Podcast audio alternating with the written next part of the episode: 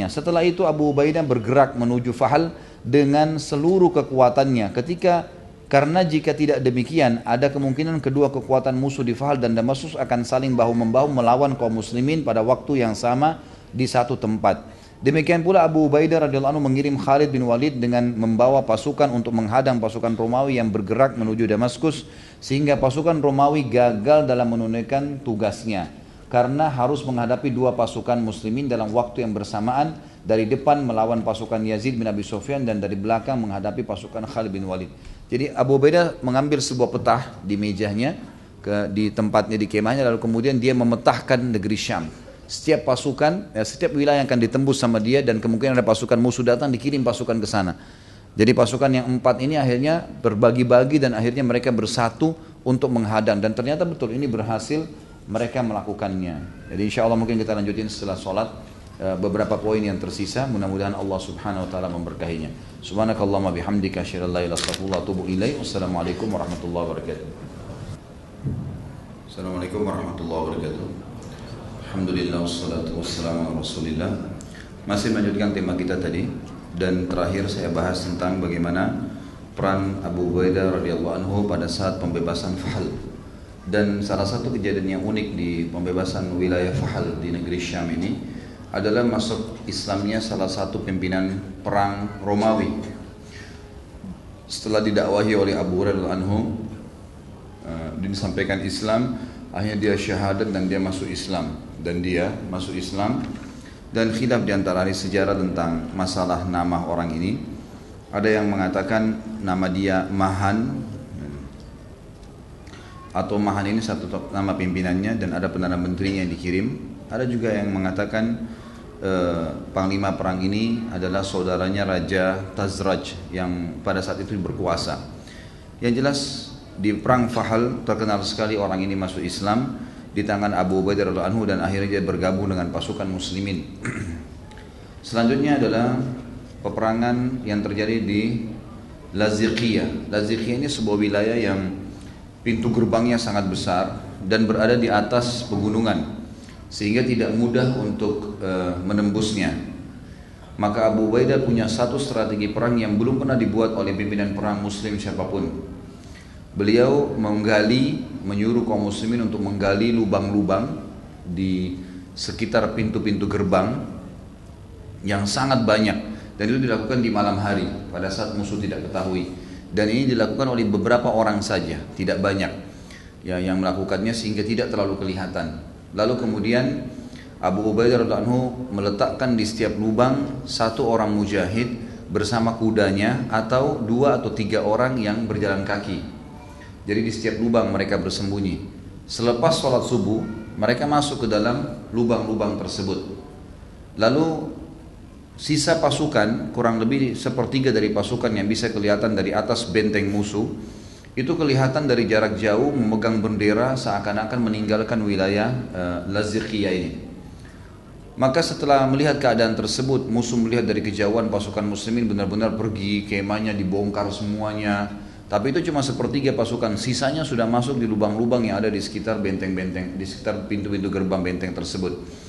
Dan lubang ini tidak kelihatan karena ditutupin. Ditaruhlah, digali, kemudian ditaruhlah selembar kain yang cukup besar, Kemudian di atas kain diletakkan juga sisa tumpukan tanah atau daun-daunan sehingga memang tidak kelihatan.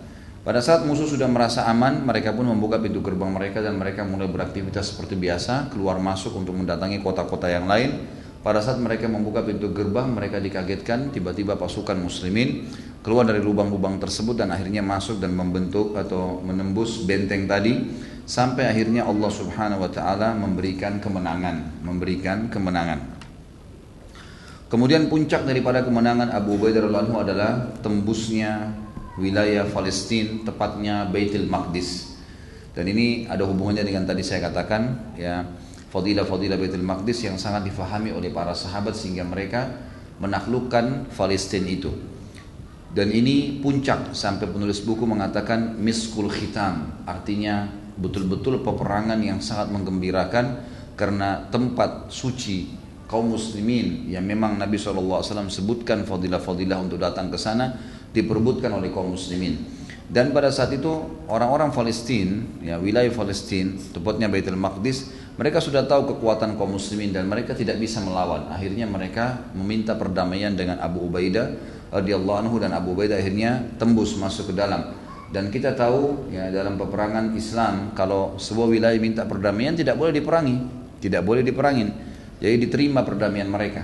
Pada saat diterima perdamaian mereka, maka pada saat itu juga mereka boleh tetap dalam agamanya tetapi wilayah mereka sudah dibawa naungan pemerintahan Islam.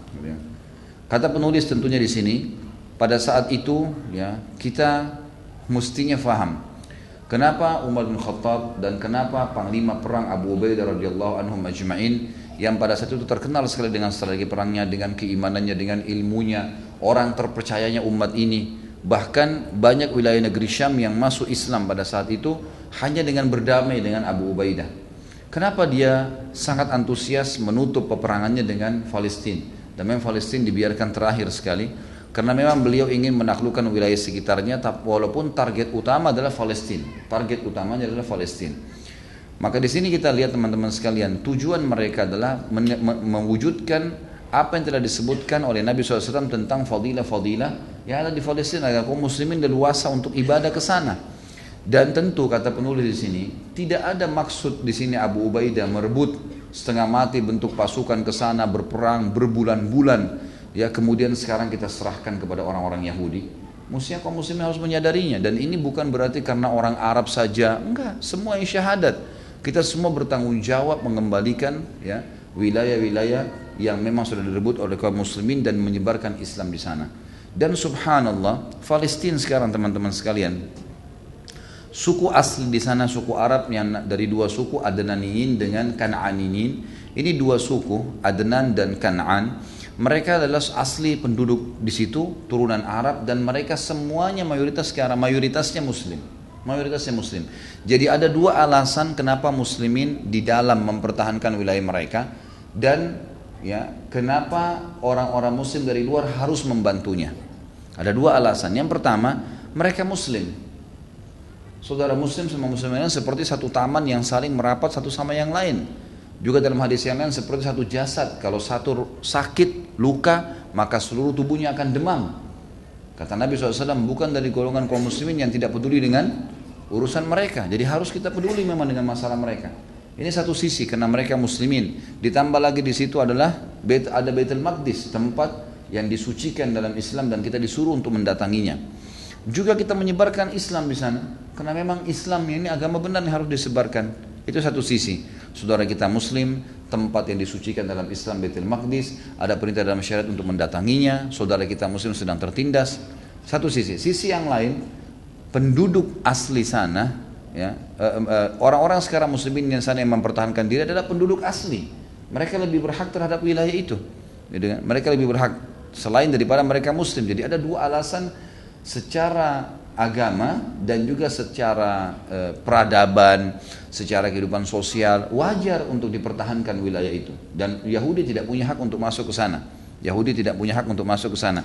Karena waktu di zaman Musa alaihissalam pun, waktu Musa alaihissalam menyuruh Bani Israel untuk masuk, itu suku-suku asli Kanaan dan Adnan ini sudah ada, gitu kan? Sudah ada. Waktu mereka pun setelah 40 tahun masuk ke sana, suku-suku asli ini masih ada di sana, masih ada dan mereka masuk berbaur dengan mereka. Jadi tidak boleh diusir gitu kan tidak boleh. Sekarang kan mereka berusaha untuk mengusirnya. Dan subhanallah dengan hikmah Allah mereka tidak pernah berhasil. Sampai di sana sangat terkenal anak kecil pun Palestina sangat berani untuk melawan tentara Israel. Tidak ada sama sekali ketakutannya dan juga mereka sendiri yang ketakutan. Mereka sendiri ketakutan. Perlu juga saya sampaikan teman-teman sekalian berita gembira alhamdulillah di sana tidak ada masalah. Kita datang umat Islam punya restoran banyak, kita juga makan di restoran mereka. Ada, ada orang Turki buka restoran, ada orang-orang asli Palestina. Mereka transaksi jual beli barang, tapi memang negaranya lagi dijajah. Kurang lebih seperti keadaan kita dulu dijajah oleh Jepang tapi kita tetap bekerja, sekolah, berusaha, melawan, gitu kan? Seperti itulah. Cuman yang penting kita titik beratkan adalah Abu Ubaidah bin Jarrah dan sahabat-sahabat Nabi tidak jauh-jauh ke sana teman-teman sekalian mengekspansi Islam itu untuk merebut wilayah bukan, tapi untuk menyebarkan Islam. Karena memang harus disebarkan ini. Dan pada saat sudah dimasuki Islam, maka memang harus hukum Allah yang diterapkan, hukum Islam itu. Jadi ini memang hukum Allah SWT dari awal saja diperhatikan ini kebenaran yang harus dipertahankan. Ini yang harus difahamin teman-teman sekalian. Jadi Abu Ubaidah radhiyallahu anhu dan Umar bin Khattab dan semua sahabat-sahabat Nabi yang sudah berjuang tidak untuk diserahkan wilayah ini begitu saja kepada orang-orang non muslim. Jadi jangan sampai sekarang kita masih ragu, oh ini mungkin non muslim ada benarnya juga nih. Ini gak ada istilah benar. Inna dina indallahin Islam. Harus pegangin tuh. Hanya Islam yang diterima di sisi Allah. Kita harus nyebarin. Mereka ini adalah orang-orang yang harus kita kasihani. Karena belum paham apa itu Islam. Jadi makanya kita sebarin Islam itu sendiri. Jadi ini harus difahamin. Maka pada saat itu subhanallah terjadilah ya pembebasan Palestina dan akhirnya uskup mereka, pimpinan para pastor yang memegang kunci Baitul Maqdis mengatakan saya tidak akan menyerahkan ini kecuali pada pimpinan kalian. Maka Abu Ubaidah pun radhiyallahu anhu mengirim surat kepada Umar bin Khattab berita gembira kalau Palestina sudah takluk di tangan kaum muslimin dan si uskup tidak mau memberikan kunci Baitul Maqdis yang luasnya 1,4 hektar besar tempat ibadah gitu kan? Kecuali anda sendiri yang datang. Maka Umar pun datang. Dan saya sudah ceritakan kisahnya pada saat kita ceritakan tentang Umar bin Khattab radhiyallahu anhu bagaimana Umar datang bersama dengan satu orang ya budaknya ya eh, apa namanya oh ya, hamba sahayanya Kemudian Umar bin Khattab cuma menunggangi seekor unta dengan pakaian yang sangat sederhana. Dan Umar bin Khattab karena perjalanan jauh dari e, Madinah ke negeri Syam sebulan lebih perjalanan gitu kan. Maka Umar bin Khattab lalu bergantian menunggangi unta itu. Sekali buat budaknya sekali beliau pakai gitu. Kebetulan pas masuk pintu gerbang Palestina Umar bin Khattab lagi kebetulan dapat giliran memegang tali kekang dan budaknya ada di atas maka orang-orang menyambut pada saat itu muslimin menyambut Orang-orang juga ini menyambut ini raja baru mana nih yang luar biasa pasukannya begini kuat, ya pemberani, membawa ajaran agama yang baru, yang benar dan seterusnya. Mereka berpikir Umar akan datang dengan kereta kencananya, dengan pasukan yang banyak. Ternyata cuma dua orang masuk. Lalu muslimin pun yang sudah sahabat sudah kenal bersambut mutakbir Allahu Akbar, Allahu Akbar. Lalu uskupnya bertanya, mana pimpinan kalian? Kata Abu Ubaidah, itu yang masuk. Ada unta, ada dua orang, gitu kan? Lalu kata uskupnya, mana pasukannya? Enggak ada. Emang cuma begitu dia datang berdua. Lalu mana di antara dua itu mana orangnya? Kata Abu Ubaidah yang sedang memegang tali kekangan unta. Yang sedang di atas itu siapa? Kata uskupnya, itu hamba sahayanya. Loh kok bisa? Karena dia sudah sepakat sama hamba sahayanya untuk membagi perjalanan setengah buat dia, setengah buat hamba sahayanya. Maka kata uskup, saya menemukan ciri orang ini dalam Injil kalau dia akan menerima kunci Baitul Maqdis. Maka diserahkanlah kepada Umar radhiyallahu anhum. Ini perjuangan yang besar teman-teman sekalian. Jangan setelah perjuangan besar dari sahabat Nabi kita hilangkan begitu saja. Ini, ini harus dipikirkan. Minimal libatkan dalam doa antum. Doakan mereka supaya Allah berikan kemenangan, gitu kan? Andil sumbang apa saja kepada lembaga-lembaga LSM di Indonesia. Alhamdulillah ada yang coba membantu ke sana, gitu kan? itu sangat hal, hal yang sangat baik. Apalagi kalau Allah mudahin kita bisa mampir ya. Itu sangat baik sekali. Dan tidak ada perlu saya bilang tadi tidak ada hal-hal yang perlu dikhawatirkan. Kita bisa menyumbang langsung banyak janda-janda mujahidin di sana anak-anak yatim di sekitar Masjid Aqsa yang bisa kita bantu. Banyak sekali. Sampai saya didatangi seorang bapak sudah sangat tua mungkin umurnya 80 tahun membawa ada seperti gambar Baitul Maqdis yang dijual sama dia satu dolar cukup besar si gambar itu dia bilang ya dia bilang akhi saya ini punya anak 10 orang dan hidup saya pas-pasan. Ini negara lagi dijajah. Tolong bantu beli ini. Saya ingatkan kepada jemaah ini bukan cuma dibantu beli satu dolar, beli saja berapa yang kita mampu berikan kepada orangnya. Orang ini luar biasa butuh bantuan dan memang di sekitar lokasi akan banyak tentara-tentara Israel yang mondar mandir untuk memeriksa. Tapi semua itu tidak ada masalah buat kita. Baik, ringkas cerita adalah akhirnya Palestina takluk di tangan muslimin dan di tangan Abu Ubaidah bin Jarrah anhu dan semenjak waktu itu kata para ulama menanggapi secara spiritual menandakan Abu Ubaidah panen pahala muslimin yang ada di Palestina bersama dengan Umar bin Khattab dan sahabat-sahabat Nabi yang lain karena mereka lah yang menyebabkan Islam sampai kepada mereka. Kemudian setelah masuk ke sana ada sebuah judul kecil di sini ditulis oleh penulis judulnya Dunia mengubah kami semuanya selain engkau wahai Abu Ubaidah. Ini di halaman 37 sebelum berbicara masalah perpisahan dengan beliau kematiannya. Maka Umar bin Khattab ceritanya setelah masuk gitu kan ke dalam uh, Palestina ini Umar bin Khattab sempat mengirim kepada Abu Hubaidah 4000 dirham dan 4000 dinar. Jumlah uang yang cukup banyak gitu kan. Umar berkata kepada utusannya, coba diam, waktu kamu kasih, bilang ini dari Amir Mukminin untuk anda. Lihat apa yang dia lakukan. Maka hamba sahaya Umar pun melakukannya. Menunggu. Setelah itu, pada saat dikasih, Abu Ubaidah pun tiba-tiba mengatakan kepada pegawainya, ada ada stafnya, ada gulamnya, dia mengatakan bagikanlah ini buat si fulan sekian, buat si fulan sekian, buat si fulan sekian sampai habis. Dia pun tidak meninggalkan satu dirham pun untuknya. Tidak ada, semua dibagikan. Ketika Umar radhiyallahu anhu tiba, ya, mengetahui, ketika Umar radhiyallahu tahu itu lalu dia mengatakan, sungguh wahai Abu Ubaidah, dunia telah mengubah kami sementara dunia tidak mengubahmu. Umar radhiyallahu juga pada saat datang ke negeri Syam, para panglima pasukan dan petinggi negeri Syam menyambutnya. Umar bertanya, di mana saudaraku? Lalu mereka bertanya, siapa saudara anda? Dia mengatakan Abu Ubaidah. Abu Ubaidah. Saya ingin ketemu dengan dia. Maka bertemulah Umar bin Khattab dengan Abu Ubaidah. Abu Ubaidah pada saat itu mengendarai ya, seekor unta yang bertali kekang seutas tali. Unta yang dia bawa dari Madinah dipakai sama. Ini setelah menang wilayah terbesar di negeri Syam, wilayah kekuasaan Romawi dengan arsitekturnya, dengan hartanya, dengan hewan-hewan ternak yang merupakan harta rampasan perang, bisa ganti unta, bisa pakai pelana yang baru, bisa pakai baju bagus, tapi Abu Ubaidah tidak lakukan itu. Dia datang dengan untanya. Lalu Abu Ubaidah memberi salam kepada Umar. Umar pun berkata kepada hadirin, tinggalkan kami berdua. Lalu Umar berjalan bersama Abu Ubaidah menuju rumahnya. Umar masuk dan tidak melihat apa pun di dalam rumahnya selain pedang dan tameng saja. Maka Umar berkata kepada Abu Ubaidah, seandainya engkau memiliki perabot rumah tangga wahai Abu Ubaidah, atau Umar berkata, seandainya engkau mempunyai sesuatu, berubah keadaan kamu. Kok cuma rumahnya tanah liat?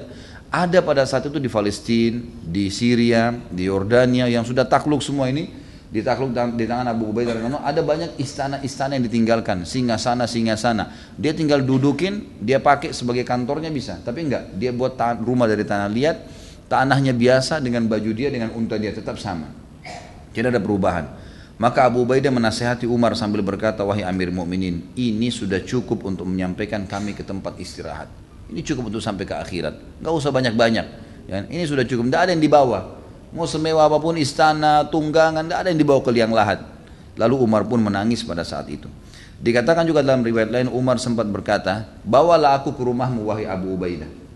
Umar bin Khattab ingin tahu bagaimana rumahnya dia. Dulu di Madinah sederhana. Ini sekarang di sini setelah menang, setelah kaya raya, ini banyak ghanimah harta rampasan perang. Harta rampasan perangnya dibagiin semua untuk orang, dibagi-bagiin, bahkan dikasih orang-orang asli Palestina yang belum masuk Islam, dibagi-bagiin oleh Abu Ubaidah, dikembalin harta-harta mereka yang jadi ghanimah nih, haknya dia, dan dipakai sama dia, yang secukupnya saja. Lalu Abu Ubaidah berkata, wahai Amir Mu'minin, untuk apa anda ke rumah saya? Kata Umar, tidak, saya cuma mau lihat saja. Kata Abu Ubaidah, anda hanya akan memeras air mata anda. Percuma. Datang ke rumah saya ini nggak ada sesuatu, untuk apa? Kata Umar tidak apa-apa, saya ingin lihat. Maka Umar pun akhirnya masuk ke rumah Abu Hurairah, dia temukan rumah dari tanah liat, nggak ada sedikit pun permadani dari tanah, dan tidak ada apa-apa kecuali tameng sama pedang, gitu kan? Maka Umar pun berkata, apa kau punya makanan? Dia bilang ada. Lalu Abu Hurairah menuju ke ujung tembok rumahnya, dikeluarkanlah sebuah kantong ada roti kering beberapa potong. Lalu Umar pun menangis. Kata Abu Hurairah, oh, kata Abu Ubaidah, bukankah saya bilang Amir Anda akan memeras air mata Anda? Percuma datang ke saya ini akan begini nanti nanti akan masalah. Ini sudah saya pilih jalan saya seperti ini. Lalu Umar berkata dengan perkataan masyhur, dunia telah mengubah kami semua selain engkau wahai Abu Ubaidah radhiyallahu anhu. Jadi ini pantas diberikan julukan Al-Amin. Umat ini tidak berpengaruh dunia sedikit pun bagi mereka. Sama sekali, gitu kan. Ini tentu bukan ini ini juhud upaya dari Abu Ubaidah radhiyallahu anhu dan ini bukan berarti kita juga harus seperti ini dalam arti kata tidak boleh menikmati dunia sama sekali. Ini upaya beliau. Beliau ingin jangan sampai setelah ke, keberhasilan direbut ini kemudian mengubah hidupnya, ya, mengubah semuanya hanya membuat dia jauh dari Allah Subhanahu wa taala. Ada juga subjudul lain di sini sebelum uh, berpisah atau meninggalnya Abu Ubaidah radhiyallahu anhu Disebutkan bahwasanya Malik Ad-Dar meriwayatkan bahwa Umar bin Khattab memasukkan 400 dinar ke dalam sebuah kantong lalu ia berkata kepada pelayannya, "Bawalah ini kepada Abu Ubaidah lalu diam sesaat di rumahnya agar engkau bisa melihat apa yang dia lakukan." Maka pelayan itu pun berangkat dan berkata kepada Abu Ubaidah radhiyallahu anhu, "Amir Amir Mukminin berpesan kepadamu agar engkau menggunakan itu keperluanmu. Silahkan ini halal buat kamu 400 dinar." Ini kalau kita hitung sekarang bisa puluhan bahkan ratusan juta. Abu Ubaidah berkata, Semoga Allah menyambungnya dan merahmatinya. Umar bin Khattab mengirim semoga Allah menyambungnya dan merahmati. Maksudnya Allah selalu penuhi kebutuhannya dan Allah merahmati dia. Kemudian Abu Ubaidah berkata kepada pelayannya, bawalah tujuh dirham kepada fulan, bawalah lima di, bawalah tujuh dinar kepada fulan, lima dinar kepada fulan, terus sampai uang itu habis. Maka pelayan itu pulang dan mengabarkan apa yang dilakukan oleh Abu Ubaidah kepadanya. Ternyata Umar bin Khattab telah menyiapkan jumlah yang sama untuk Muadz bin Jabal, sahabat Nabi yang lain. Juga sama pada saat itu ada. Umar lalu berkata pada pelayan bawa ini dan diamlah sejenak lihat apa yang mereka lakukan. Ternyata Muadz bin Jabal juga melakukan hal yang sama. Sama persis dengan Abu Ubaidah tidak ada bedanya. Diambil dibagiin semuanya. Sampai tinggal dua saja, tinggal dua dirham, eh, dua dinar. Lalu istri Muadz bin Jabal sempat mengatakan, wahai Muadz, kita saja orang susah. Nggak ada sesuatu di rumah mau dimakan, kamu habisin bagiin orang. Lalu kemudian Abu Muadz bin Jabal mengambil dua koin yang tersisa, dua dinar itu lalu dilemparkan ke istrinya. Pakailah kalau memang kamu perlu untuk itu. Lalu diberikan kepada dia. Maka pada saat pelayan tersebut pulang Umar pun berkata dengan penuh kebahagiaan dia mengatakan mereka adalah saudaraku. Sebagian dari kami adalah bagian dari yang lainnya. Artinya beginilah kalau orang sudah faham targetnya adalah akhirat bukan dunia tidak ada pengaruhnya kemajuan ya apa yang ditemukan akan tetap membawa kepada target utama akhiratnya. Baik, Abu Ubaidah radhiyallahu anhu meninggal teman-teman sekalian ini e, karena kena penyakit taun.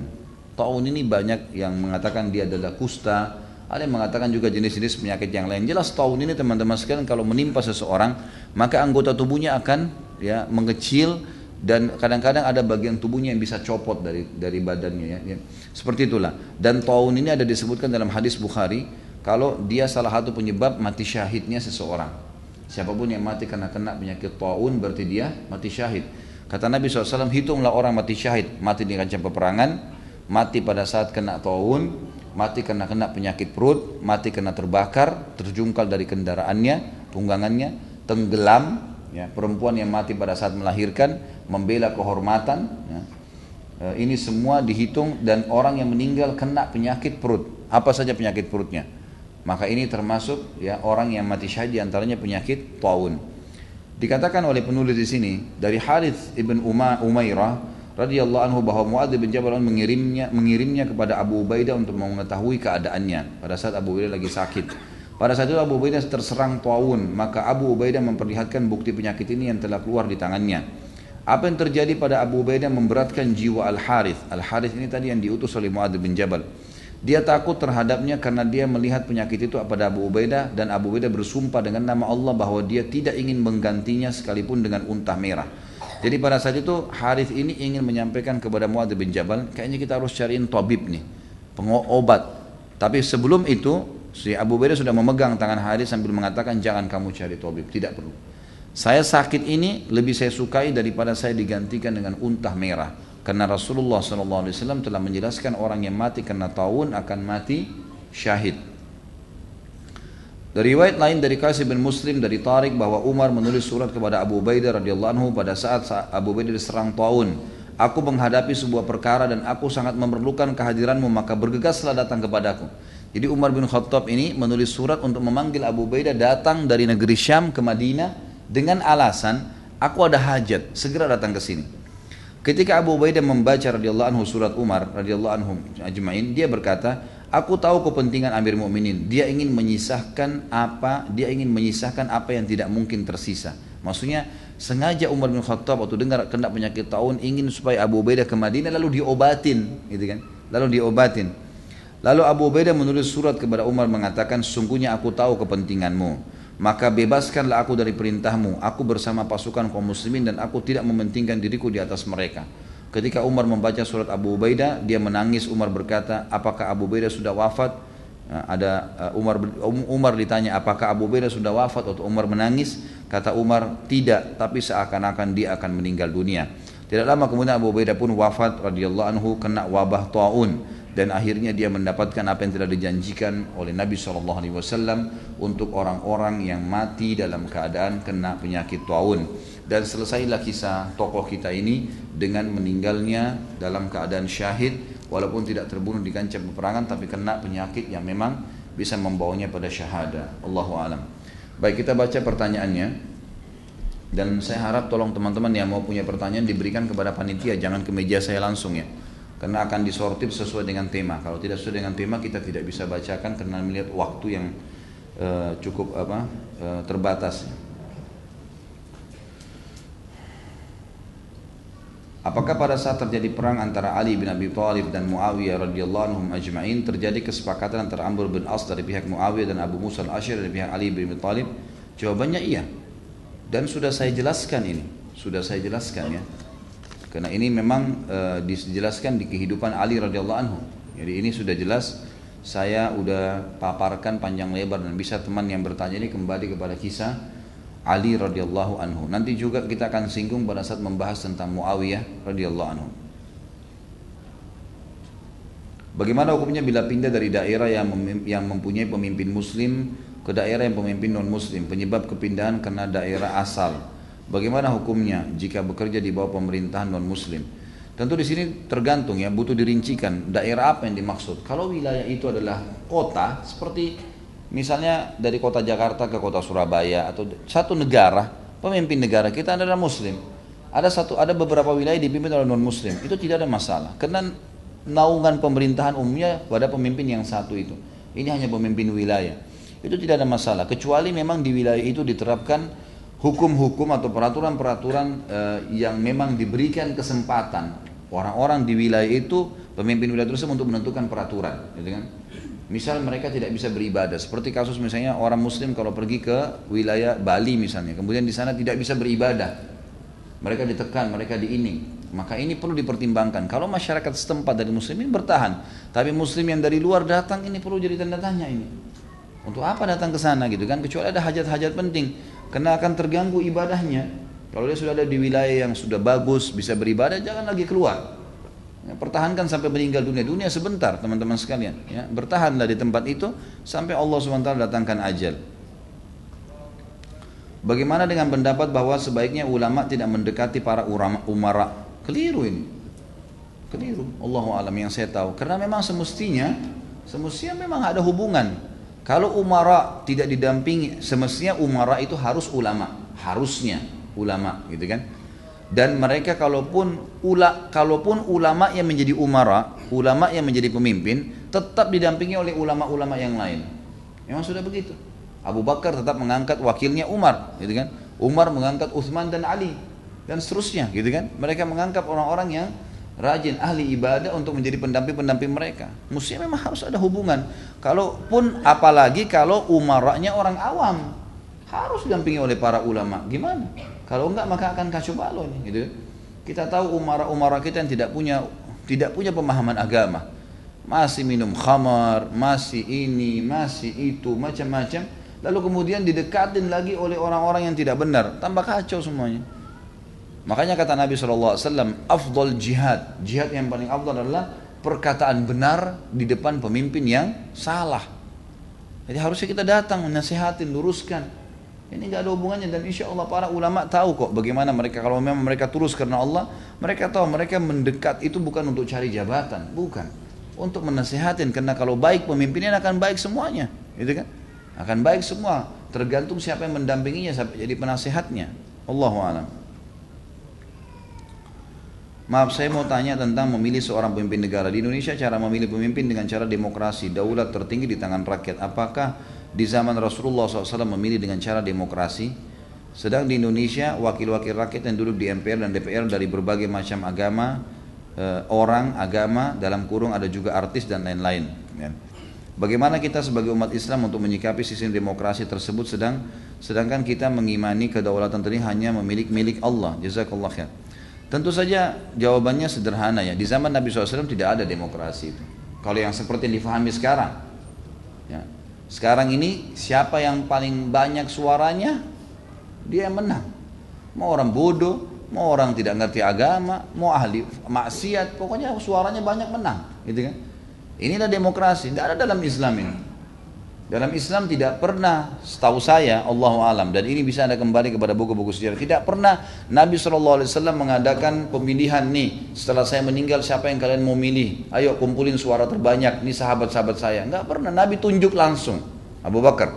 Abu Bakar tunjuk langsung Umar, Umar tunjuk langsung dari enam sahabat tersisa yang dijamin masuk surga dan seterusnya, gitu kan? Jadi memang kalau kita berikan kesempatan rakyat maka nanti bisa efeknya seperti sekarang. Siapa yang terbanyak suaranya dia bisa menang. Dan ini berbahaya kalau orangnya buruk gimana? Ini kan nasib-nasiban. Tapi kalau kita cari orang-orang yang alim ulama, orang yang pintar, memang dekat dengan Allah SWT, lalu ditunjuk jadi pemimpin di Indonesia banyak ini. Banyak sekali sebenarnya kader-kader pemimpin yang bisa membawa kepada agama Allah. Tapi nggak dipilih gitu kan. Mereka pun mungkin ada di pesantrennya, mungkin dia punya santri seribu, lima ribu, ada yang sepuluh ribu santri, penghafal Al-Quran. Ulama-ulama banyak mencetak kader-kader masyarakat, orang-orang anggota masyarakat yang baik. Ini kenapa nggak dipilih nih? Tunjuk, angkat mereka jadi pemimpin. Mestinya begitu, idealnya. Orang-orang yang paling baik itu dipilih. Ini mestinya begitu. Tapi karena sudah terlanjur sistem demokrasi yang dilakukan, nantinya silakan berikan suara. Dan sistem ini pun, siapa yang tidak tahu teman-teman sekalian, ini sudah jadi rahasia umum. Jujurkah sistem ini? Benar nggak suaranya orang itu benar-benar semua seperti itu dikasih? Ini sudah jadi rahasia umum orang sudah bicara ini banyak dicuri suaranya, ini banyak dipalsukan, ini banyak, banyak fakta lapangan ditandatanganin, dicoblosin segala macam-macam yang palsu semua. Dari mana keadilannya? Lalu kemudian kita mau bilang, oh enggak, kalau nunjuk langsung satu orang itu berarti otoriter. Ini bukan otoriter. Memang sudah hukum agama kita begitu. Milih orang yang terbaik. Tolok ukurnya, muslim, dia alim ulama, dan dia tidak mengejar jabatan itu. Sudah selesai kaidahnya. Kalau mau aman, coba terapin deh. Kita sekarang belum menerapkan hukum Islam, sudah ribut. Islam itu keras, Islam itu begini. Kita punya fakta sejarah kok, gitu kan. Mesti harus difahamin masalah ini. Ini Allah alam yang saya tahu. Jadi semestinya memang kita kembali kepada hukum Allah Subhanahu wa taala sebagaimana Allah sudah jelaskan. Hukum dari langit yang menjadi pemimpin umat Islam adalah orang muslim.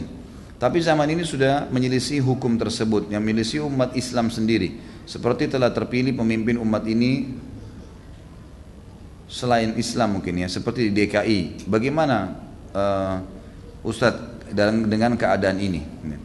Tentu saja muslimin mestinya menyadari. Karena ini ini umumnya ya umumnya orang-orang Allahu alam. Apakah saya ini benar jeblosan-jeblosannya umat Islam itu benar semua disampaikan sehingga akhirnya non muslim bisa menang? Saya tidak tahu ini. Atau memang kalaupun benar umat Islam yang dukung maka butuh tanda tanya kenapa mereka mendukungnya? Apa sebabnya?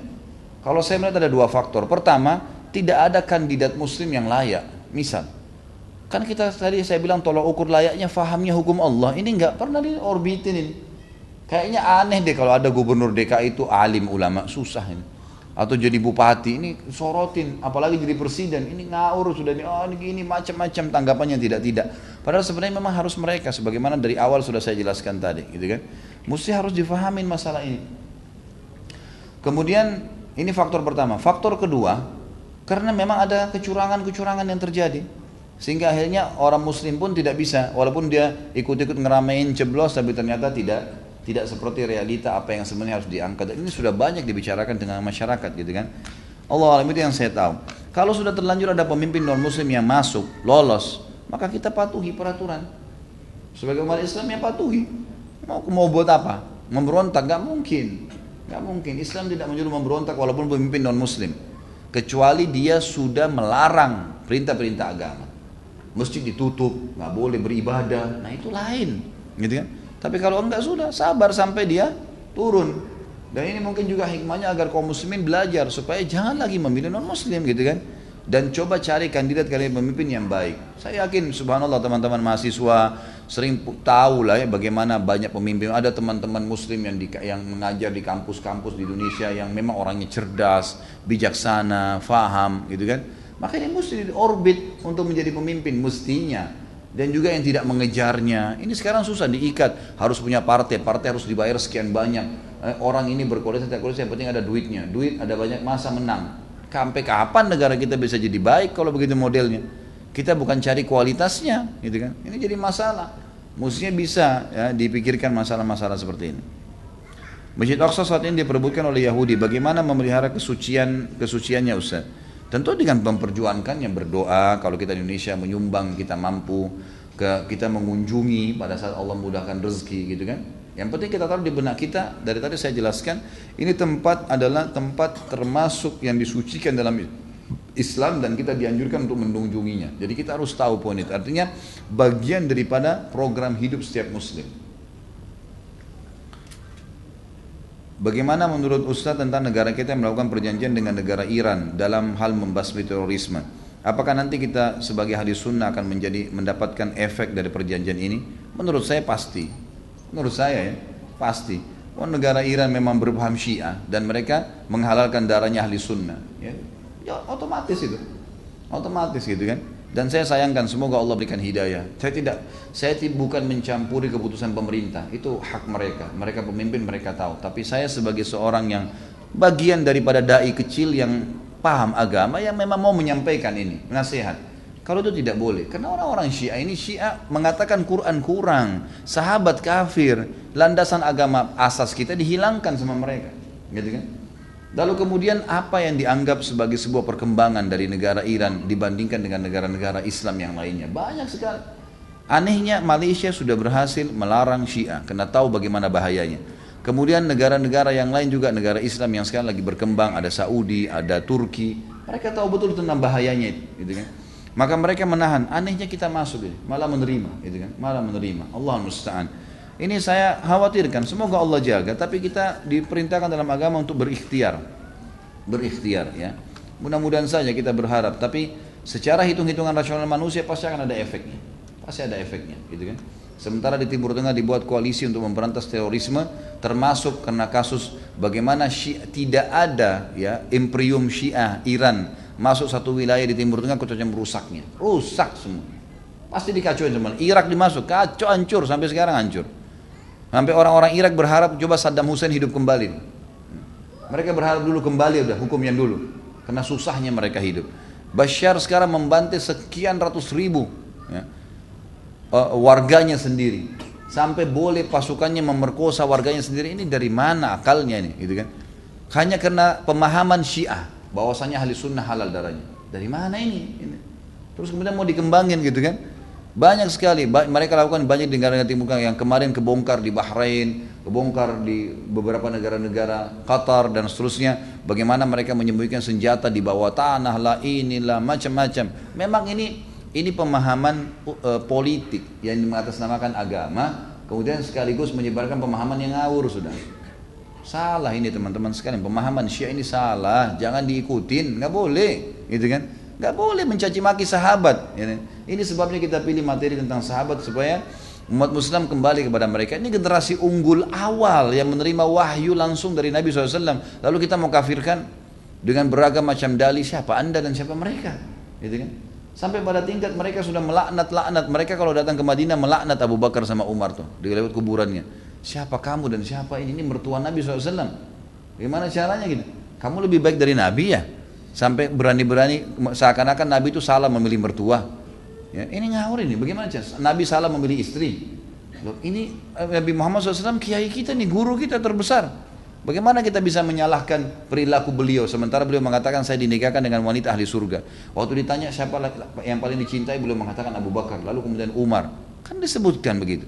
Ali bin Abi Thalib pernah marah kepada orang-orang yang mendahulukan beliau dari Abu Bakar dan Umar. Jadi kan bahkan beliau mengatakan siapa pun yang mendahulukan saya dari Ali, Abu Bakar dan Umar, maka saya akan mencambuknya had dan muftari. Cambuk had muftari, maksudnya cambuk 80 jerah kena dusta. Jadi ini jelas dalam riwayat-riwayat kita kok. Ya. Sayangnya memang ya saya sih maklumin keadaan karena memang pihak pemerintahan kita mungkin belum sampai kepada pemahaman agama yang tepat gitu kan. Sehingga akhirnya mudah orang-orang masuk. Allah musta'an. Semoga Allah lindungi kaum muslimin. Dalam memilih pemimpin di Nusantara kita ini memakai sistem demokrasi ini sama tadi. Bagaimana bila pilihan pemimpin seorang wanita? Ya. Karena banyak wanita masuk ke kancah politik. Bagaimana bila kita tidak yakin dengan pilihan yang ada, maka menetapkan diri untuk golput, golongan putih uh, alias tidak memilih. Nabi SAW bersabda, ini kita orang Islam punya panduan wahyu teman-teman sekalian. Apa kata Nabi SAW? Tidak akan beruntung kaum yang dipimpin oleh wanita. Tidak akan beruntung maksudnya apa? Tidak akan tepat waktu, tidak akan tepat pada keputusan. Kalau terjadi peperangan kira-kira, apa yang dilakukan oleh perempuan? Bisa tiba-tiba keluar, bisa lama tutup aurat, ya itu itu pun kalau dia mau simple, udah bisa langsung tiba-tiba gunakan instruksi. Kalau harus dandan dulu nih, bagaimana? Allah SWT sudah berikan wanita hamil, punya anak, membesarkan mereka. Emang sudah begitu tugasnya itu. Bukan masuk ke kancah peperangan, bukan masuk ke kancah politik. Ya, ini satu hal dasar, perintah agama. Saya bicara tentang masalah agama Islam gitu kan. Jadi Allah alam, kalau saran saya pribadi kepada calon-calon ini sebaiknya perempuan tidak usah bercampur bau dalam masalah politik, lebih banyak kepada hal-hal yang lain banyak berbisnis boleh, ya mau di, masuk dalam pendidikan boleh, yang lainnya, gitu kan. Pemimpin negara ini nggak bisa harus laki-laki. Itu sabda Nabi SAW. Anda mau muslim ya begitu. Mau terima alhamdulillah, tidak mau terima ya sudah terserah anda gitu kan. Saya tidak paksain, tapi ini perintah agama kita. Nabi SAW sudah mengatakan seperti itu. Bagaimana kalau sudah terlanjur ada pemimpin wanita? Ya sudah, sama tadi kasus orang non muslim. Sudah terpilih ya sudah. Jangan ulangin lagi nanti, gitu kan? Jangan ulangin, pasti beda. Kalau mau dipertemukan antara masa pemimpinan perempuan dan laki-laki pasti akan beda hasilnya, otomatis. Karena memang ini sudah fitrah yang Allah ciptakan. Saya mau tanya Ustaz dalam pemerintahan ini kebanyakan dipimpin oleh orang non muslim sehingga syariat Islam susah ditegakkan. Umat Islam pun akhirnya terpecah belah sehingga banyak konflik dari daerah. Keputusan pemerintah banyak memihak kepada orang non muslim. Mohon maaf Ustaz, tapi kenapa ulama-ulama salaf tidak ada tindakan?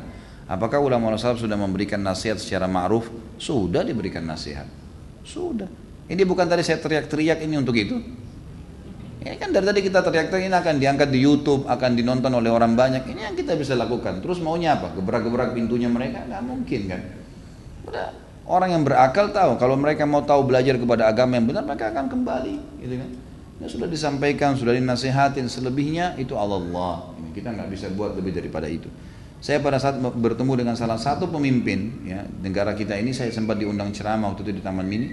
Saya memberikan hadiah buku yang saya bisa lakukan itu karena tidak bisa ngobrol lama, saya sempat mimpin sholat waktu itu, kemudian saya berikan hadiah buku, buku tentang pemahaman masalah Syiah, tentang masalah buku Minhajul Muslim, panduan dalam Islam. Ini mudah-mudahan bisa bermanfaat, Pak. Ya, saya kasih, mudah-mudahan bermanfaat. Allahu alam itu yang saya bisa lakukan. Jadi bukan diam, sudah dilakukan, gitu kan. Tidak ada yang diam itu. Kalau yang faham agama tidak bakal diam. Apa yang bisa kita berbuat untuk Palestina dengan keterbatasan kita ini? Sudah saya jelaskan tadi ini. Apa sebabnya keimanan seseorang itu bisa menurun dan apa kiatnya agar keimanan kita bertambah dan tetap istiqomah.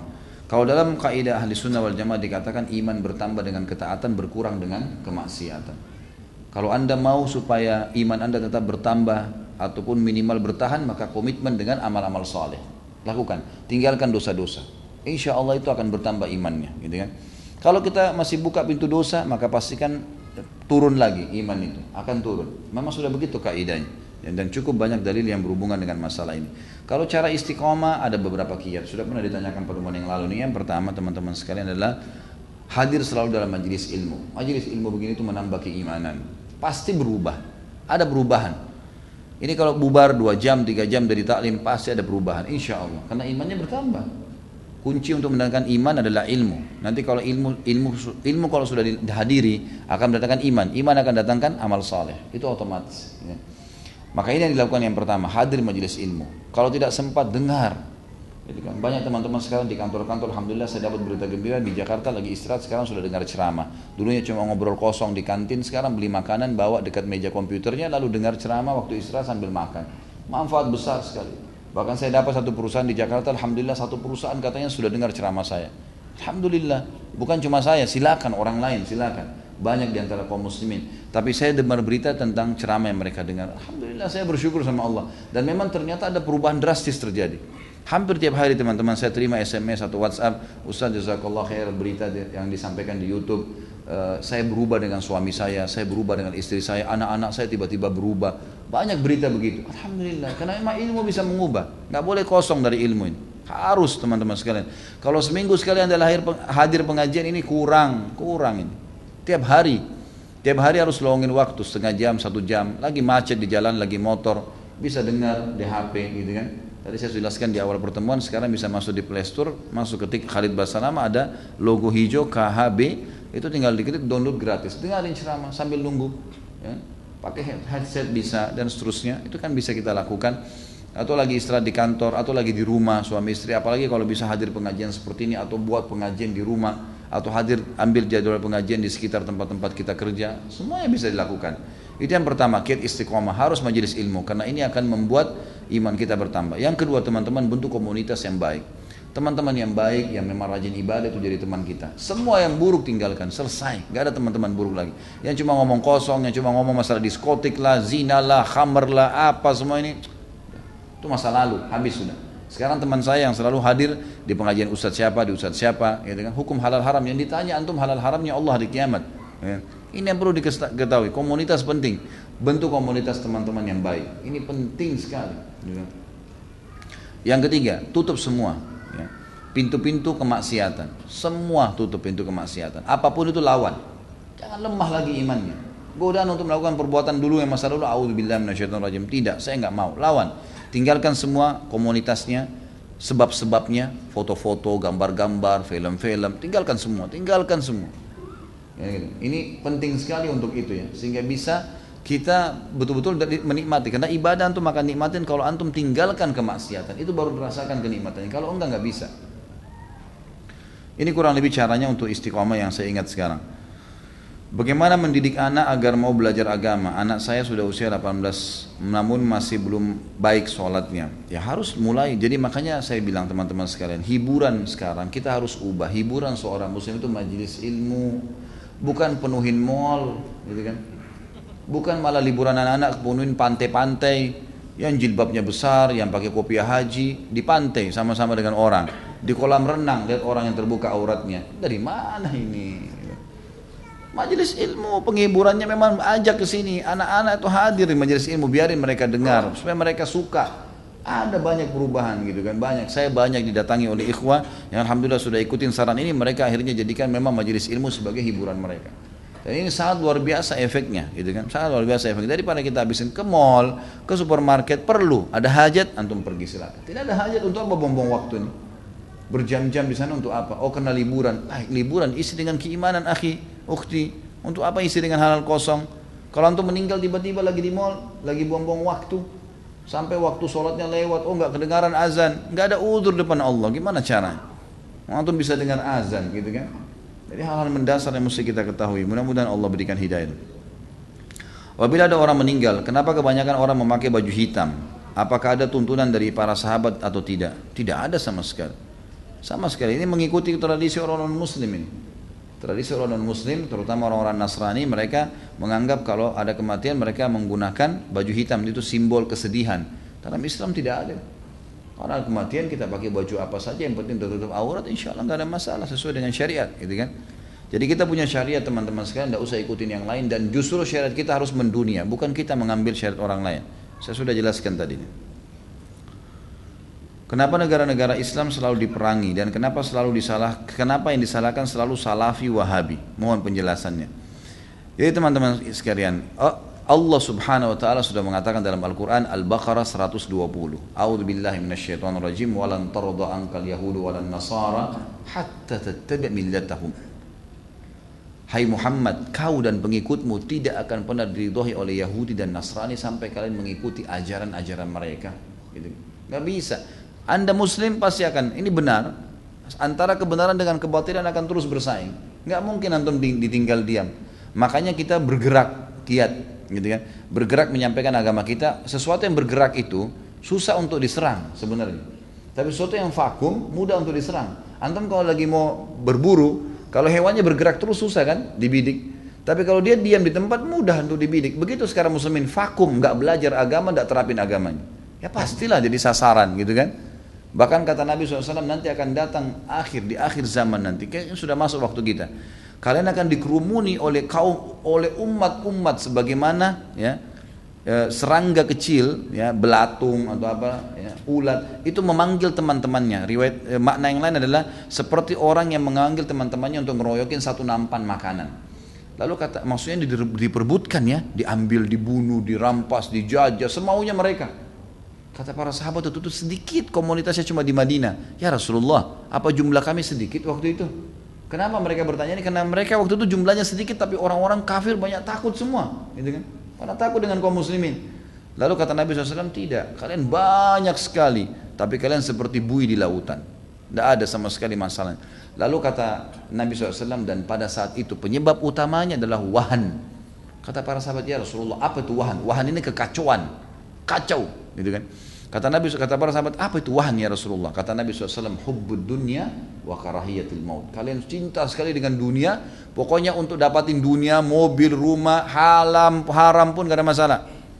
Agama sudah nomor 30, gak ada masalah. Gitu kan. Maka ini kan hubbud dunya, cinta dunia, wa karahiyatil maut dan takut menghadapi kematian. Riwayat lain, riwayat Tirmidzi dan Abu Daud disebutkan wa karahiyatil jihad dan kalian benci jihad, tidak mau berperang membela agama Allah. Jadi pada saat itulah kita memang mundur. Makanya teman-teman harus sadar, umat ini akan menyerang kita. Kalau masalah salafi wahabi ini istilah ya Allah, ini fitnah teman-teman sekalian. Ini fitnah. Dari mana istilah wahabi ini, dari mana istilah salafi ini? Ini fitnah. Setiap sebagian teman-teman kita yang berpegang pada sunnah Nabi SAW sering mengatakan kita kembali kepada pemahaman salaf. Pemahaman salaf maksudnya sahabat. Salaf itu orang terdahulu. Dikatakan pesantren salafiyah, pesantren yang dulu tradisional, gitu kan. Jadi itu pemahaman kembali kepada salaful ummah. Hanya itu. Begitu dikatakan kembali kepada salaf sahabat, oh ini kelompok salafi namanya. Nisbatkan. Dari mana ini penisbatan ini gitu kan? Kemudian Wahabi, Wahabi, Wahabi, apa Wahabi ini? Dari mana istilah ini? Ini keluar dari mulut orang-orang yang tidak bertanggung jawab. Kalau kita lihat cirinya orang Wahabi, yang dianggap Wahabi orangnya berjenggot jalankan sunnah Nabi. Kalau sholat ke masjid, istrinya pakai tutup aurat. Ya, di rumahnya jauh dari perbuatan-perbuatan dosa. Ini nih kelompok nih. Diolok-olok Wahabila, Wahabila. Saya pernah dimasukkan dalam grup gitu kan. Saya lihat semuanya disatuin, teman-teman dari semua ormas ada, termasuk nama saya masuk di situ. Banyak mungkin ada 80 atau 100 orang ustadz, kiai dan seterusnya. Baru saya masuk di situ saya sudah baca Ah ini banyak ustaz-ustaz Wahabi dimain-mainin gitu, tulisannya pakai O.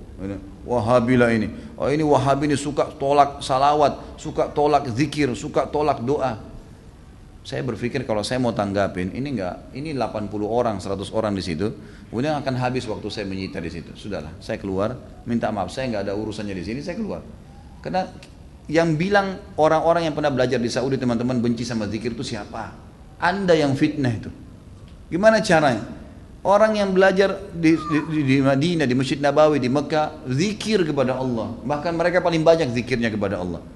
Mereka paling banyak zikir, tapi zikirnya pakai adab, nggak teriak-teriak, gitu kan?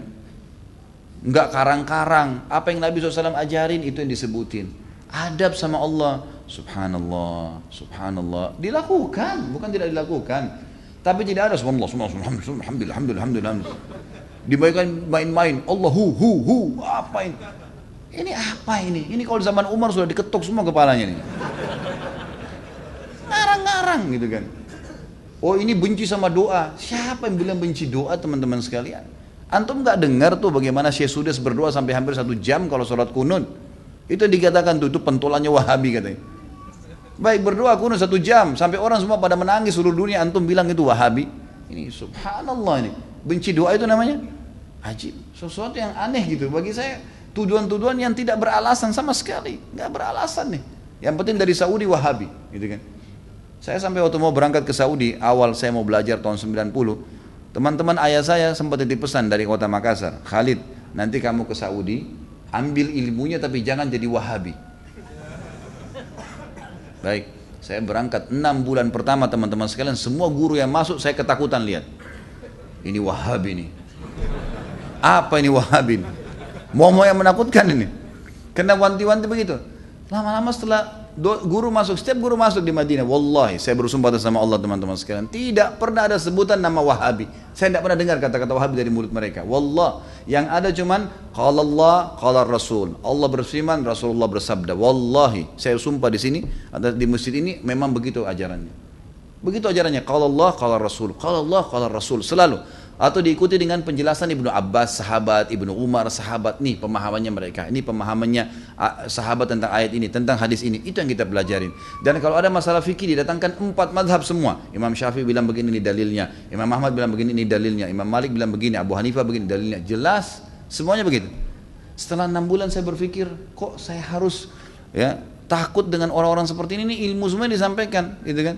Ilmu semua dan bagaimana mempertemukan antara ambil ilmunya jangan jadi wahabi bagaimana memahami saya nggak nyambung gitu gimana caranya gitu teman-teman sekalian saya kasih jawaban secara akal sehat Rasulullah SAW lahir di mana? Di Mekah. Ya, 13 tahun fase turunnya ayat-ayat Makkiyah di mana? Di Mekah. Baik, setelah itu Nabi SAW hijrah ke Madinah. Berapa tahun Nabi di Madinah? 10 tahun. Sampai meninggal kan? Kuburannya ada di sana. Demi Allah, Mekah sama Madinah markas Islam. Ada orang mengatakan itu wah, markas Wahabi, markas ini tempat Nabimu lahir dan mati. Kok gimana sih? Lalu dikatakan itu ajaran yang tidak benar, yang sesat. Padahal kalau kita duduk di majelisnya ulama, ini Rasulullah bersabda, ayat Al-Quran dalam surah ini. Selalu itu, silakan saya tantang siapa pun teman-teman sekalian. Bukan, maaf, bukan tantang. Saya ajak anda kalau lagi umroh, yang mengatakan wahabi-wahabi, tolong anda datang ke Masjid Nabawi, Masjid Haram Mekah, duduk di majelisnya salah satu ulama situ. Coba dengarin apa yang mereka bilang. Coba jangan atau mau bertanya silahkan. Pasti mereka jawab hukumnya kalau Allah Allah berfirman surah ini. Rasulullah bersabda begini. Itu isinya. Itulah yang mereka bilang Wahabi. Ini kemurnian agama teman-teman sekalian. Dan kalau anda tidak pertahankan kemurnian agama lalu siapa yang mau pertahankan? Ini aneh sekali gitu. Ini luar biasa harus sebenarnya harus diluruskan. Mudah-mudahan Allah berikan hidayah ya. Banyak orang Islam yang tidak faham, ya, dia kukunya masih panjang, sholatnya masih Senin Kamis, ikut-ikutan Wahabi juga, Wahabi juga. Bukannya belajar, bukannya nanya, malah ikut-ikutan. Ini fitnah di tengah-tengah kaum muslimin. Kata Nabi SAW, Yahudi terpecah 71 golongan. Nasrani 72 umatku 73 semuanya di neraka. Masuk mampir neraka dulu, nanti masuk surga iya. Kecuali satu, nggak pakai lewat neraka masuk surga. Kata kata para sahabat, sahabat sudah tanya, siapa itu ya Rasulullah? Apa kata Nabi? Yang berpegang pada sunnahku dan sahabatku. Nah ini yang selalu ditunjuk salafi wahabi ini yang selalu berkata Rasulullah sahabat, Rasulullah bersahabat. Ini orang yang berpegang pada kemudian Islam. Teman-teman sekalian berhenti dalam masalah istilah-istilah seperti ini. Ini bahaya, memperpecah umat dan macam-macam. Saya lihat saya lihat beberapa di cuplikan YouTube saya ada cuplikan ada kata-kata di bawah. Oh ini pentulannya Wahabi nih. Ah ini mungkin ISIS nih. Nah ini mungkin ini nih. Ah ini mungkin ini nih. Padahal orang itu tidak kenal saya. Bagaimana pertanggungjawaban dia hari kiamat di depan Allah? Coba nuduh saya, bisa ketemu sama saya minta maaf nggak? Kalau nggak ketemu, gimana coba?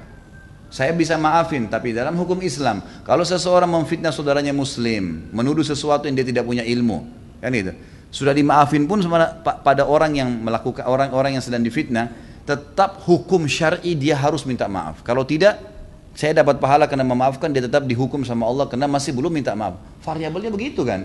Hukumnya begitu. Orang mencuri, ya itu Kemudian dia tidak kembalikan haknya orang, tetap dihukum. Gak bisa. Maka teman-teman berhenti dari fitnah ini. Kita ikut-ikutan. Ini dikatakan teroris. Oh kita juga ikut-ikutan teroris semua. Ini garis keras. Ini kita katakan garis keras. Belajar. Kita punya mata bisa melihat, telinga bisa mendengar, hati bisa berpikir, bisa merenungi. Dengar dong dulu, gitu kan? Apa yang disampaikan? Kalau disampaikan benar terima. Kan itu. Teman-teman yang dituduh dengan istilah ini hanya betul-betul kembali kepada kemudian Al-Quran dan Sunnah. Itu. Coba hadiri pengajiannya pasti selalu kalau Allah, kalau Rasul. Kalau Allah, kalau Rasul. Ini ajaran Islam teman-teman. Gak pernah ada perkataan kata kiai saya, kata guru saya, kata gini, kata gitu. Gak pernah. Anda boleh ikuti ceramah saya. Kalau saya pernah katakan ini kata kata si fulan, kata si fulan ini sudah jauh. Kalau Allah, kalau Rasul. Ada tanggapan ulama yang merincikan mungkin atau menyampaikan. Itu mungkin. Ini Allah alam. Mudah-mudahan Allah perbaikin keadaan muslimin. Bagaimana hukumnya jika kita memiliki teman non muslim yang tidak pernah mengganggu Islam? Hubungan seperti apa yang harus dibina dengan orang non muslim yang baik hati dalam kehidupan sehari-hari? Semua kita boleh bermuamalah dengan mereka, boleh berbisnis, boleh berteman, boleh bertetangga. Kalau kerabat boleh silaturahim, kalau orang tua boleh berbakti. Selama tidak berhubungan dengan ibadah mereka. Itu saja bantu yang bantu yang yang yang yang fakir, jenguk yang sakit, gitu kan? E, apa namanya? berbagi makanan dengan tetangga, semua kita lakukan. Tapi kalau sudah berhubungan dengan masalah akidah nggak bisa. Nggak boleh kita nyumbang bangun gereja misalnya. Agama kita larang begitu, teman-teman. Ini bukan dari saya, gitu kan? Memang agama melarang seperti itu. Kita ikutin ajaran agama kita, tapi kita tetap boleh bermuamalah dengan mereka. Jadi kita tetap berbuat baik, silahkan. Dan banyak orang non muslim masuk Islam justru karena akhlaknya kaum muslimin. Allah alam. Ada kabar bahwa kalau kita datang ke Baitul Maqdis, paspor kita dicap negara Israel sehingga susah untuk masuk ke negara Saudi terutama Mekah dan Madinah. Jika kita takut untuk ber, ber, berkunjung ke sana. Nah, e, jadi kita takut untuk berkunjung ke sana dan apa apakah benar sangat sulit berkunjung karena dihalang-halangi oleh pemerintah Israel? Tentu tidak, tidak di, kalau yang waktu saya ke sana dan negara-negara memang yang tidak ada kerjasama sama Israel tidak dicap paspornya. Kita cuma diberikan seperti kertas kecil izin masuk visa, gitu kan? Hanya itu saja, paspor nggak dicap sama sekali. Makanya waktu masuk ke Saudi pun tidak ada masalah. Biasanya memang itu yang saya yang saya ketahui Allah alam. Gitu.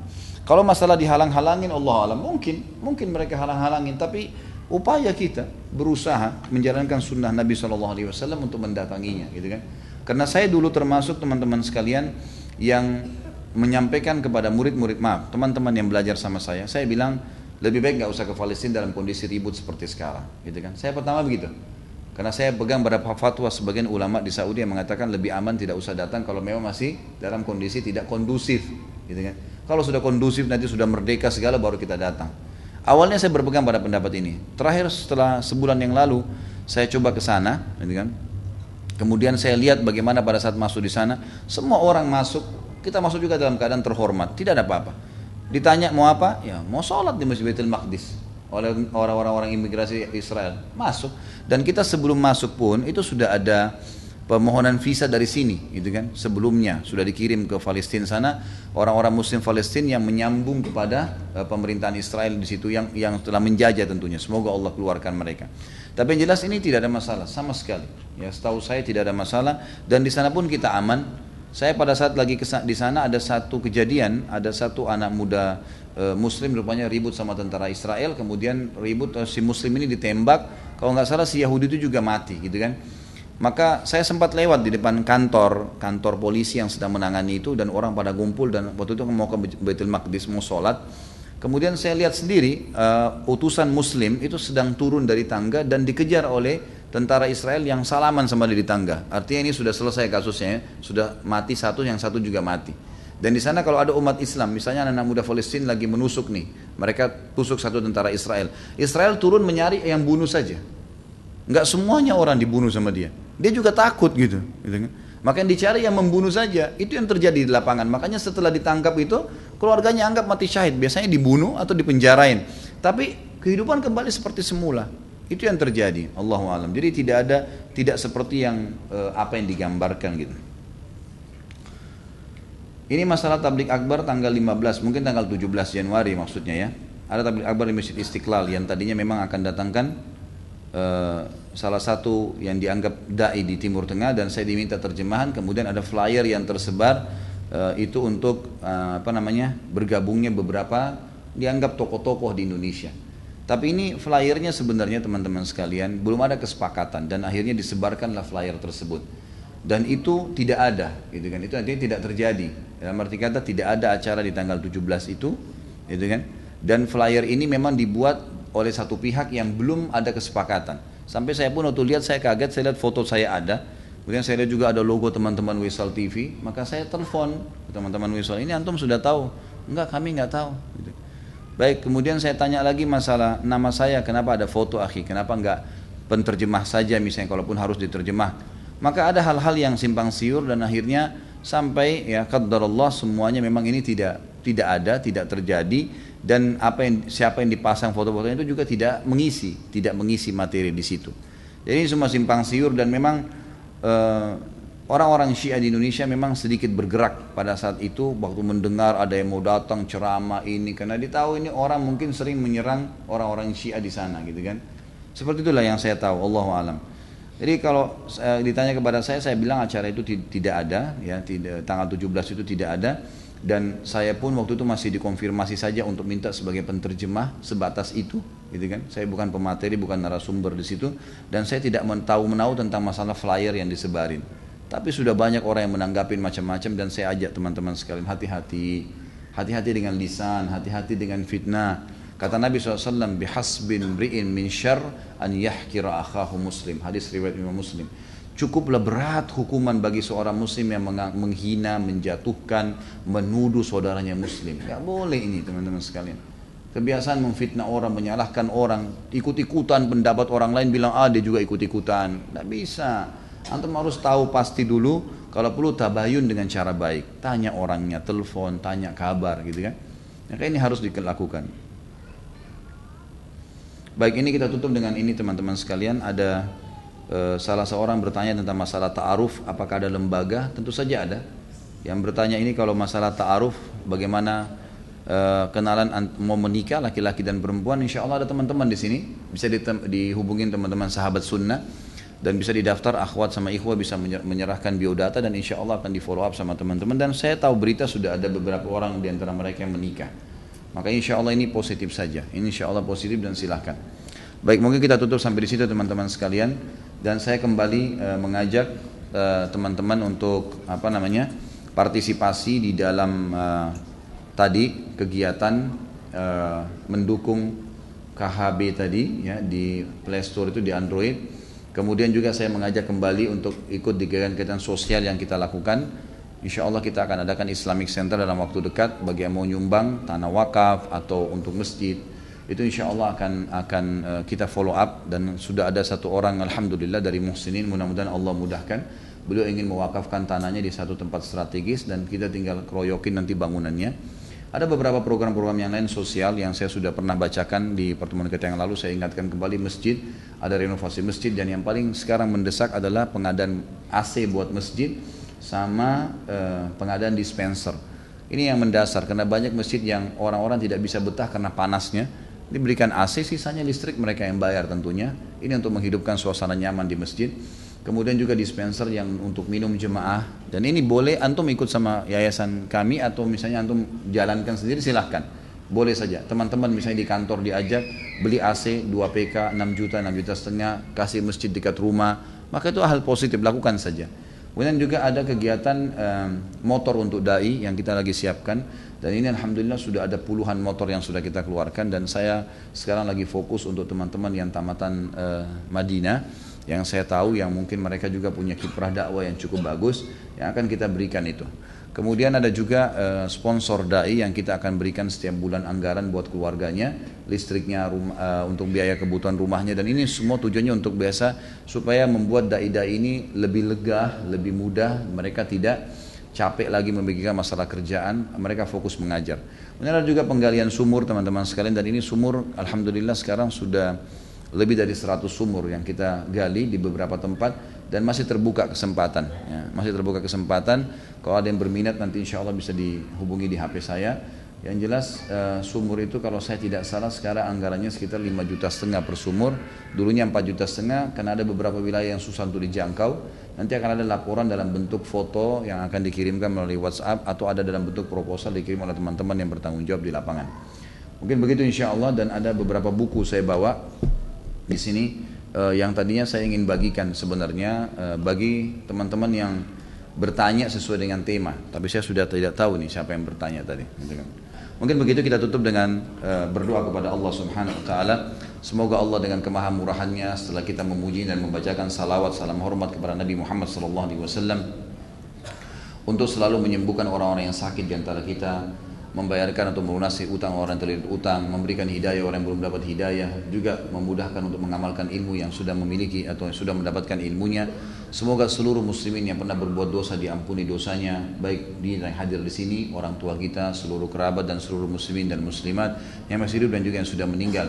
Semoga Allah subhanahu wa ta'ala juga menolong saudara-saudara kita di Palestina, di Syria, di Yaman, di Irak, di Myanmar, di mana pun mereka berada. Allah ikhlaskan niat mereka Allah kokohkan telapak kaki mereka, Allah terima para syuhada mereka, Allah muliakan Islam di tangan mereka dan di tangan kita, serta Allah partisipasikan kita bersama mereka di pahala baik dengan doa, dengan harta juga dengan jiwa kita, dan semoga Allah dengan kemahamurahannya menyatukan kita semua di surga firdausnya tanpa hisab, di mana ia satukan kita di majlis ilmu yang mulia ini. Kalau benar dari Allah, kalau salah dari saya mohon dimaafkan. Subhanakallahumma wa bihamdika asyhadu an la ilaha illa. Wassalamualaikum warahmatullahi wabarakatuh.